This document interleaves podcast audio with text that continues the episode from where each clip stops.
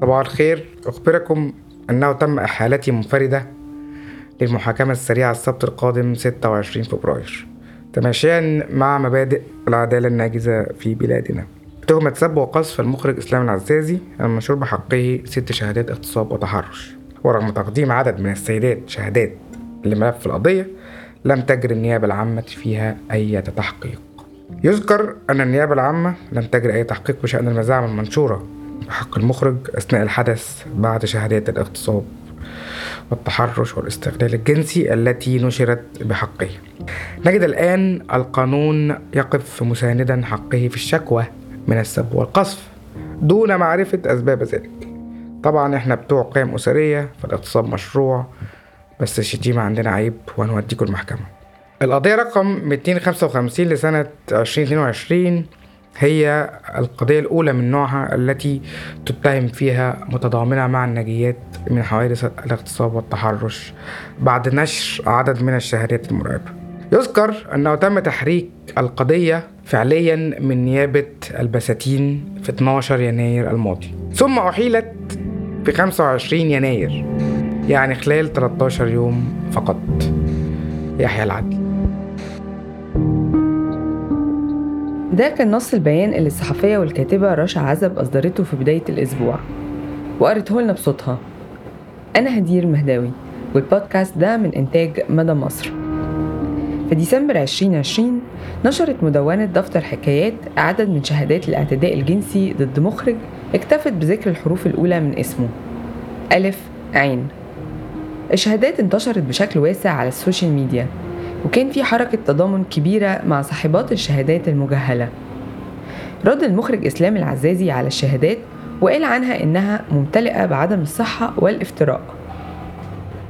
في يناير 2021 اتقدم العزازي ببلاغات ضد عدد من النساء واتهمهم بالسب والقذف والتشهير على خلفية شهادات التحرش والاغتصاب ضده. اتحفظت البلاغات في فبراير من نفس السنة. لكن المخرج المذكور عمل تظلم علشان يتفتح البلاغ للتحقيق من جديد. وفي نوفمبر اللي فات بعد حوالي تسع شهور أعلنت رشا عزب والمخرجة عايدة كاشف إن العزازي قدم فيهم بلاغ على خلفية تضامنهم مع النجيات في نهاية ديسمبر اللي فات راح عدد من الستات لنيابة البساتين للإدلاء بأقوالهم في القضية تضامنا مع رشا وعايدة. وفي فبراير النيابة أحالت رشا للمحاكمة لوحدها من غير عايدة. مسؤولة ملف النوع في المبادرة المصرية لبنى درويش بتشرح لنا أكتر عن خطورة القضية وقيمة التضامن النسوي. المشكلة في في القضية دي إن هي طبعا هي بشكل مباشر خطر على رشا عزب المتهمة فيها. آه، بس هي في الحقيقة تأثيرها هيبقى أكبر من كده بكتير لأن هي رسالة واضحة جدا جدا للستات. إن الملجأ الأخير اللي كانوا بيستخدموه للدفاع عن نفسهم وتوضيح التجارب البشعة اللي مروا بيها اللي هو كان التضامن النسوي وإن ستات تدعمهم في إنهم يوصلوا صوتهم عن طريق إن هم هم اللي ينشروا الشهادات بعد ما ياخدوها منهم ويعرفوا هم مين أو إن هم يقدموا لهم الدعم والتضامن. ده بيتعرض لخطر والرساله واضحة إن ده له ثمن عقابي. على مدار السنتين اللي فاتوا شفنا كلنا ال ال يعني النمط المبهر من حجم التضامن النسوي اللي كان بيحصل على قضايا الناس ما تعرفش الناس اللي فيها معرفه شخصية ولا عندها أسباب شخصية للتضامن معاهم لكن مجرد إن هم شايفين إن ده موقف صح يتعمل وفي الحقيقة هو تهديد شوية للحركة النسوية في مصر بشكل واضح لأن زي ما إحنا شايفين في وعي نسوي ووعي عامة للستات بحقوقهم وكلامهم عنهم في أعمار مختلفة وفي جهات مختلفة في أماكن جغرافية مختلفة وحتى من من توجهات ومواقف مختلفة. وده شيء يعني صعب جدا الواحد ما يلاحظوش في آخر كام سنة في مصر. وإن ده يعني واحد ما يقدرش يشوف لو في حكم طلع بيعاقب رشا واحد ما يقدرش يشوفه غير رسالة واضحة للستات والبنات الصغيرة بالذات إن دي إن لأ. مش مسموح انكم تدافعوا بعض عن بعض مش مسموح انكم تضمنوا مع بعض مش مسموح انكم تبقوا آخر فرصة للدفاع عن حقوق الستات في البلد دي ضد العنف الجنسي رشا ممكن تكون عقوبتها الحبس أو الغرامة. محامية من فريق الدفاع عن رشا عزيزة الطويل بتوضح لنا أكتر عن القضية. الوضع القانوني في القضية سوف يتم النظر فيها السبت القادم. آه، رشا عزب آه، نازلة كمتهمة أمام المحكمة الاقتصادية. بتهم آه، السب والقصف وتعمد الإزعاج. القضية دي تم إحالتها في يناير الماضي. بعد ما يقرب من عام من تحريك البلاغ. في نهاية تقريبا عام 2020 ظهر شهادات على بعض المدونات وعلى ال social media بخص الشخص مقدم البلاغ ضد رشا. والشهادات دي وصلوا سبع شهادات. وإحنا قدام حالة غريبة من نوعها إدارة التواصل الاجتماعي بالمكتب النائب العام. ما اتحركتش رغم إن هي بتتحرك في القضايا دي بعينها. ومش مفترض اللي حتى الناجيات هي اللي تتحرك. ممكن النيابه هي تتحرك. أو حتى كل من علم بالجريمة. وأعتقد هو ده كان محرك رشا أو غيرها من المتضامنات مع الضحايا. إحنا كان واجب على آه، جهات التحقيق اللي هي تحقق في آه، الشهادات اللي كانت نشرت في عام 2020 وحتى لو قلنا ما وصلتش الشهادات دي على ال social media. وهنفترض تلك الفرضية. ولكن آه، مع نهاية آه، ديسمبر 2021 في سيدات أدلوا بشهادتهم في النيابة العامة عن هم علموا بشهادات ضد الشخص محرك البلاغ. فكان يتعين على النيابة تجري التحقيق في دوت. هل هذا الشهادات دي آه، صادقة أم كذبة أثناء التحقيق اكتشفوا الجريمه أنا ما عنديش أدنى فكرة فعليا مش قانونا يعني بعيدا عن الورق ليه تم إحالة رشا منفردة. من البداية أصلا كان غير مفهوم ليه أنا ورشا بس أساسا اللي في البلاغ ده. طبعا هو دلوقتي وضح إنه في سبعة تقدم ضدهم بلاغات بس إحنا مش عارفين فين ومين. اللي موجود في الورق هو فعلا إن هم ما قدروش آه، التقرير الفني يعني ما قدرش يتوصل لل IP address لصاحب ال account اللي هو أنا. طبعا البيان اللي هو كتبه ده اللي هو قرر يبرر فيه ليه ما لقوش البصمة الإلكترونية بتاع ال VPN ده كلامه هو. ده أكيد أكيد مش موجود في الورق. وطبعا حاجة عبثية وكوميدية جدا لأنه ده بيعني إن أنا خارقة يعني في في ال security security wise يعني وعايشة حياتي كلها على كل أجهزتي. ب VPNs رهيبة و Tors وكده ومفيش لحظة كل ده عشان إيه؟ عشان أدخل على فيسبوك يعني ومفيش لحظة أنا مش عايشة بكل التقنيات دي. أنا شخص مهنتي هي السينما فمش مطمنيش يعني شخص شغل شغلانته فاهمة في ال IT ولا حاجة عشان أبقى عاملة كل ده ولا أنا بشتغل حاجة فيها risk عشان أبقى ده نوع المحصنات اللي على أجهزتي يعني. غير طبعا لو أي حد عارفني عارف إن أنا تقنيا في الحاجات دي مش تحت الصفر. أنا ما بعرفش أنزل torrent أفلام يا جماعة. وطبعا هو كمان كاتب إنه في بيانه إن أنا مسحت أرشيفي أنا مسحته هو كصديق من على فيسبوك فغالبا هو مش فاهم إنه لما ما تبقاش صديق حد على profile private إن أنت مش هتقدر تشوف كل ال posts اللي هو كاتبها. هو إن هو ممكن ما يبقاش إن هو آه، مش إنه معلوماته ضعيفة تقنيا إن هو ده تكتيك يعني للشوشرة زي ما القضية نفسها هي تكتيك للشوشرة. الكلام اللي قالته عايدة مرتبط بإن يوم 21 فبراير نشر العزازي توضيح بيقول فيه إنه في ديسمبر 2020 قدم بلاغات ضد سبع أشخاص في مباحث الإنترنت وإنه من ضمن الأشخاص دول رشا وعايدة والمخرجة سلمى الطرزي اللي قال إنه قدم فيها محضر لوحدها وقال إن القضية اتحالت برشا بدون عايدة عشان تقرير الفحص الفني اللي قال فقد استخدمت الأستاذة عائدة الكاشف تطبيق يخفي موقعها على الإنترنت وهو المعروف بال VPN